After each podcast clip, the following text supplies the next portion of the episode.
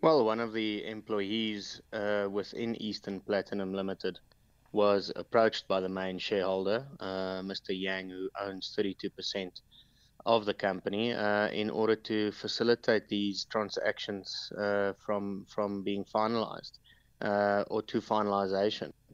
And he then, uh, as was his ethical duty to do so, he then informed the other shareholders of these transactions, which have led to severe financial losses being suffered by the company, uh, and uh, uh, you know, of course, then by the shareholders who have invested in this company. Um, Eastern Platinum Limited is a listed company uh, on the Canadian Stock Exchange as well as the Johannesburg Stock Exchange, and um, these investors uh, are obviously disgruntled as a result of the fact that um, the company has suffered more than 120 million rands in losses uh, whereas the shareholder, the main shareholder who is behind these transactions, has benefited directly from it, given that the product sold was sold to a company in the United States uh, to which he is directly affiliated. So him then benefiting from from these transactions and the shareholders suffering serious losses.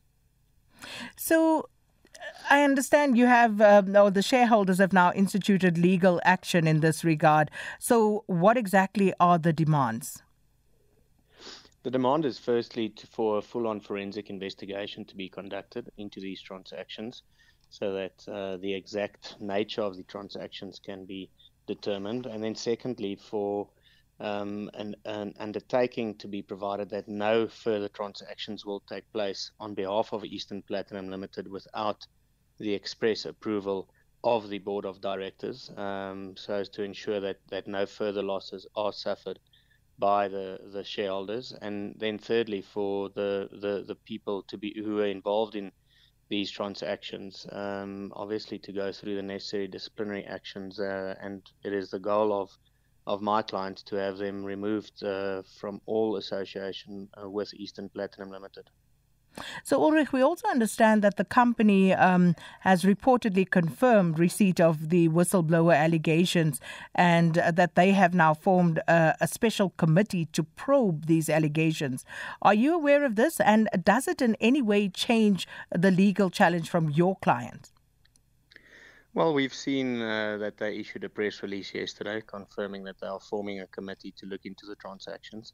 But uh, that is not what the shareholders want. They want an undertaking that no further transactions will take place uh, without the express approval of the board of directors uh, and with the shareholders' input, so as to avoid any further financial loss from incurring. Um, so the the um, the confirmation of a forensic committee being appointed is not sufficient for my clients. So where to from here?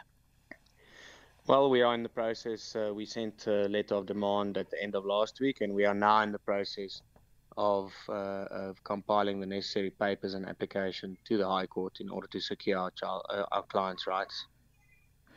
Well, Ulrich, we'll keep our eye on this one. Thank you so much, uh, lawyer representing Thank the you. shareholders at Eastern Platinum Limited, Ulrich Roux. What an interesting story.